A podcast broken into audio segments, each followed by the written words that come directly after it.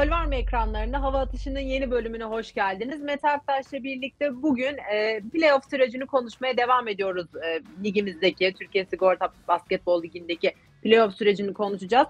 Şaşırtıcı denilebilecek aslında bir sonuçla karşılaştık. Seninle burada Anadolu Efes'in 42 sayılık e, tarihi bir fark yemesinin ardından bir reaksiyon gösterir mi diyorduk ama Anadolu Efes reaksiyonun da üstünü gösterdi. Yani seriyi alarak, finale adını yazdırarak çok şaşırtılacak, çok şaşırılacak bir şey yaptı. Bence çünkü 42 sayıdan e, dönmek kolay değil.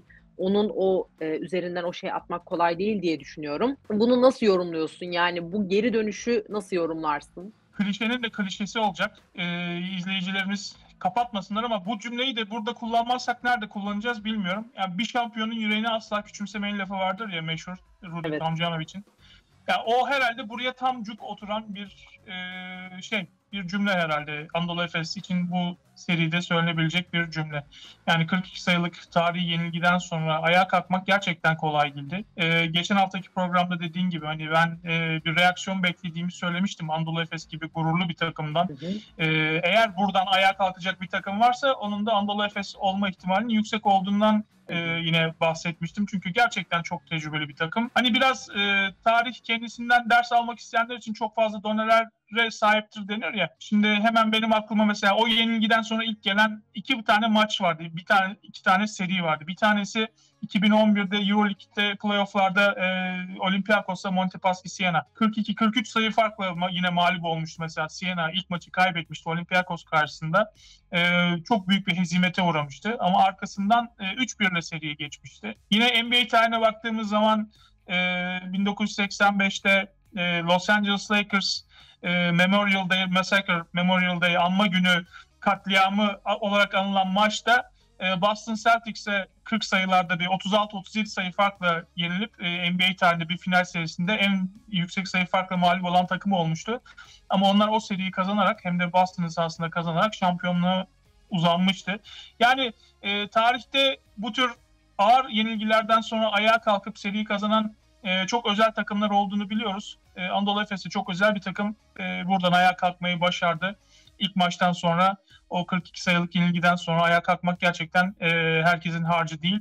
Bunu yapmayı başardı. E, yani n- nasıl oldu bu dersen yine geçen haftaki programda Anadolu Efes'in silkinip ayağa kalkması gerektiğini oyuncuların ama esas ayağa kalkması gereken önce Ergin Ataman olduğundan bahsetmiştim. Yani Ergin Ataman ayağa kalkmadıkça e, seriye girmedikçe Anadolu Efes'in seriye girmesi zordu. Ergin Ataman ayağa kalktı. Ergin Ataman o yenilgiden sonra e, çok kritik hamlelere imza attı. E, rotasyonda değişikliklere gitti ve ikinci maçtan itibaren e, rakibi Itudis'e karşı, e, meslektaşı Itudis'e karşı çok ciddi bir e, avantaj yakaladı, üstünlük kurdu.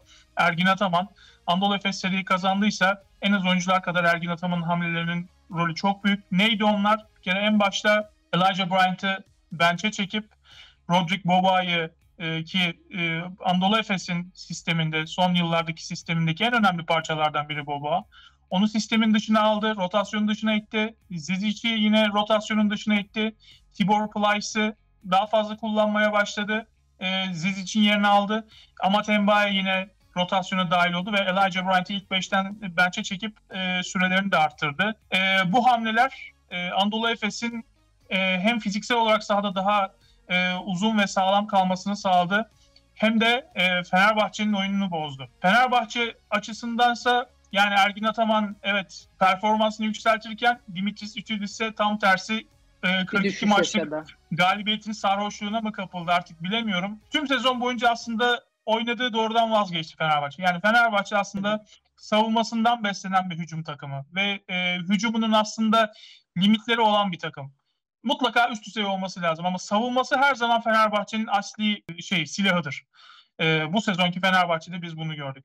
Fenerbahçe ilk maçta 42 sayı fark atınca, ikinci maçında ilk çeyreğinde böyle 13 sayılık bir üstünlük kurunca biraz sahte bir kapatıyor. hayale girdi. Yani Anadolu Efes'i yani e, Avrupa basketbolunun en önemli hücum takımlarından birine karşı sadece hücumu e, ön plana alarak e, seriyi kazanabileceğini düşündü. Ama öyle olmadı e, savunmayı ikinci plana atması Fenerbahçe'nin Anadolu Efes'in daha e, iyi uyguladığı bir hücum sistemine karşı aynı şekilde cevap vererek hücumu hücumla yenmeye çalışması Fenerbahçe'nin başına bela aldı. Bunun da en büyük e, örneğini 3. maçta gördük.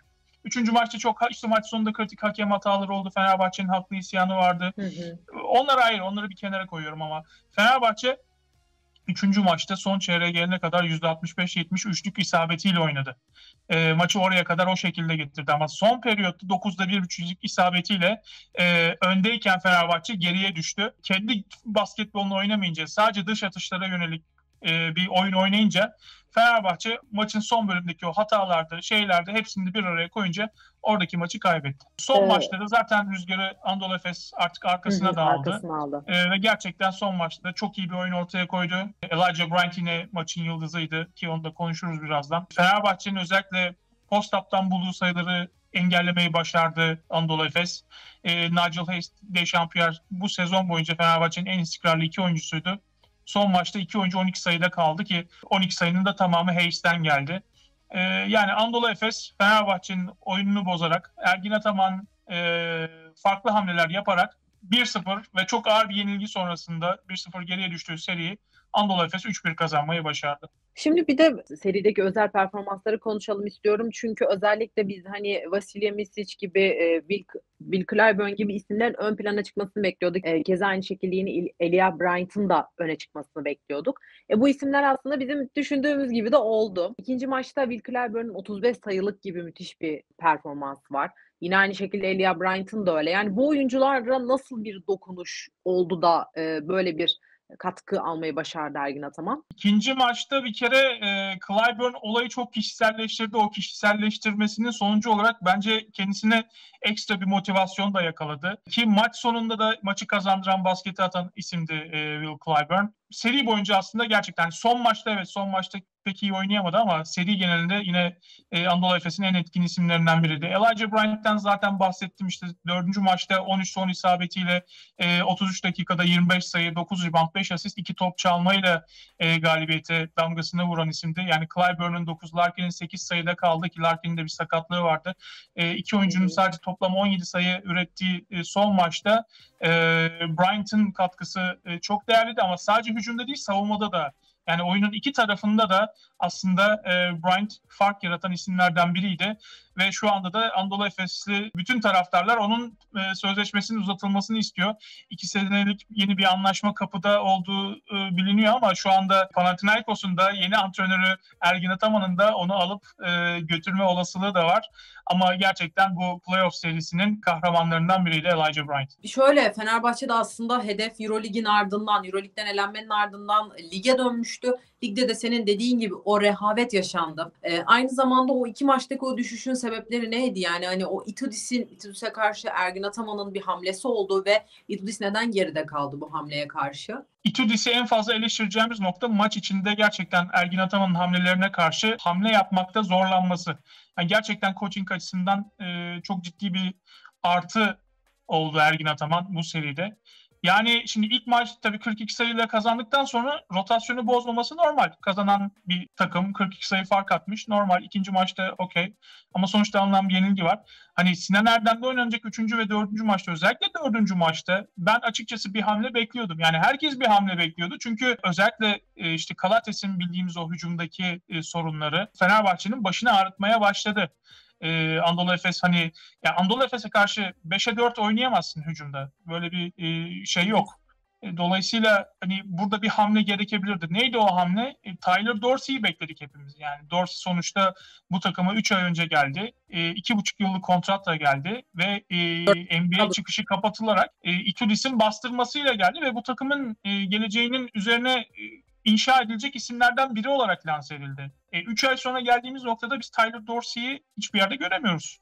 Ee, hani duyduğumuz kadarıyla da Itudis'le arası bozuk. Zaten e, bu seride oynamama nedeni bu. E, çünkü bir sakatlığı yok Tyler Dorsey'nin. Yani 3 ay içinde bu kadar e, üstüne basarak e, aldığın yani e, alması için çok uğraştığın bir oyuncudan e, ne ara rotasyon dışı bıraktığın bir oyuncu haline geldi Dorsey. Ben bunu anlamakta güçlük çekiyorum açıkçası. Herhalde Dorsey ile yollar ayrılmaya doğru devam, e, gidiyor. Böyle e, bir tablo var ortada. Tabii bu büyük bir hayal kırıklığı ama Dorsey bu seride e, fark yaratabilen bir isim olabilirdi. Özellikle Kalates ve e, Gudur için de zaman zaman verimsiz oynamasından dolayı e, bence Dorsey kullanılabilirdi ama e, Itudis onu tercih etmedi. E, zaten Carson Edwards sakat, işte Şehmuz Metecan sakat, dar bir rotasyonla oynuyorsun. Ama Dorsey'den hakikaten faydalanabilirdi. Keza aynı şekilde ben bence e, Tonya Cekiri'den de faydalanmayı düşünebilirdi e, Itudis e, özellikle Plyce'ın oynamasından dolayı hani daha böyle kalıplı uzun bir cekiri bence işe yarayabilirdi.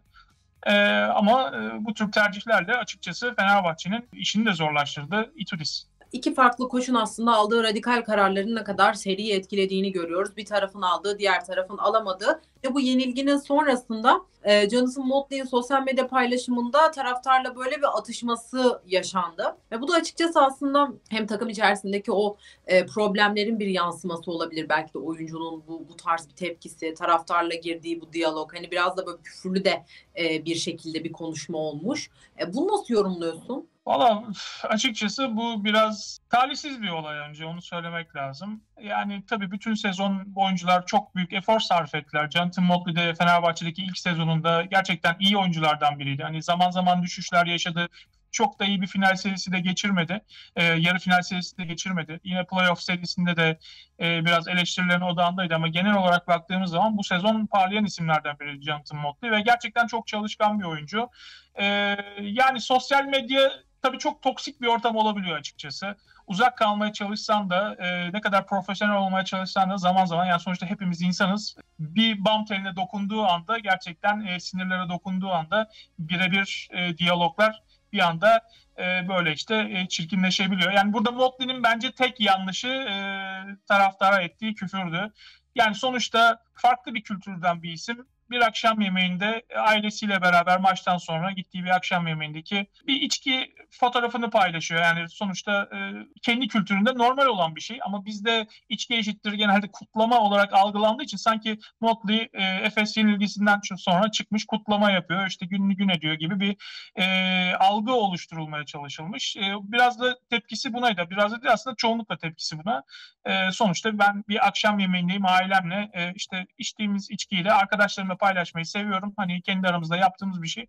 Ee, hani bunun da açıklamasını yapmış zaten. Talihsiz bir olay. Biraz daha dikkat etmesi gerekiyor maalesef. Yani e, burada oynayan oyuncuların bu konularda biraz daha herhalde dikkatli olması gerekiyor. Evet e, bir de aslında sana son olarak final e, eşleşmesine giden yolda Pınar Karşıyaka'nın dev bir adımı oldu Türk Telekom'a karşı. Eric McCollum'un da aynı zamanda yine çok böyle kritik bir performansı vardı. Seninle ne zaman öne çıkacak diye konuştuk. Hani e, seride biraz geride kaldığından bahsetmiştik ama o da açıkçası son maçta iyi bir performans ortaya koydu ve takımını finale taşıdı. E, Karşıyaka'nın final e, finale çıkması ile ilgili şöyle bir yorumla alayım. Ardından da Efes Karşıyaka eşleşmesi.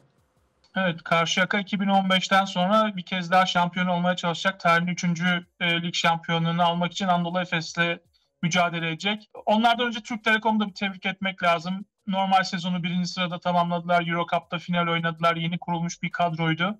Ee, gösterdikleri performanstan dolayı tebrik etmek lazım ama Karşıyaka gerçekten e, 3-1 ile e, finale yükselmeyi başardı. İyi basketbol oynayarak, sert basketbol oynayarak e, iki takım da bize çok güzel bir e, basketbol e, şöleni yaşattı. Gülen taraf Karşıyaka oldu. Yani normal sezona baktığımız zaman Anadolu Efes'i iki kez yenmiş bir Pınar Karşıyaka görüyoruz. İstanbul'da 112-111. Yine İzmir'de baktığımız zaman da farklı kazanmış bir Karşıyaka vardı. E, dolayısıyla hani zaten bu playoff'ların ne kadar sürprize açık olduğunu e, şu ana kadar gördük. E, bundan önceki iki turda da hem Türk Telekom hem Fenerbahçe favori olarak başladılar ama e, seriyi kazanan favori olarak gösterilmeyen takımlar oldu. Dolayısıyla iki takım da moralli geliyor buraya ama Karşıyaka için yine anahtar mutlaka İstanbul'dan bir maç çalmak olacak. Buradan bir maç çalmayı başarabilirlerse hakikaten e, çok sert, çok zevkli bir 7 maça gidebilecek bir seri bizi bekliyor.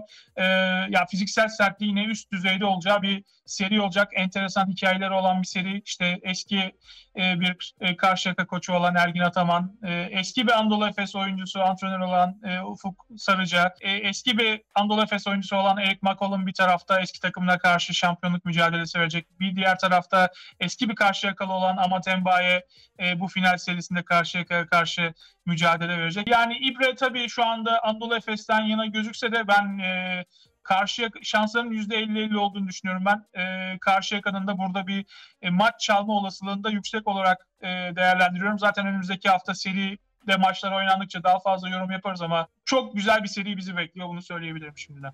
Peki bizi çok gerçekten heyecanlı bir seri bekliyor. Serinin iki tarafında da çok özel isimler var. Birbirinde karşılıklı forma giymiş oyuncular var.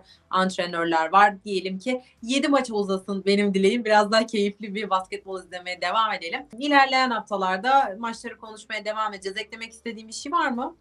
Yok teşekkür ediyorum. E, hava atışının bir sonraki bölümünde görüşmek üzere. Hoşçakalın.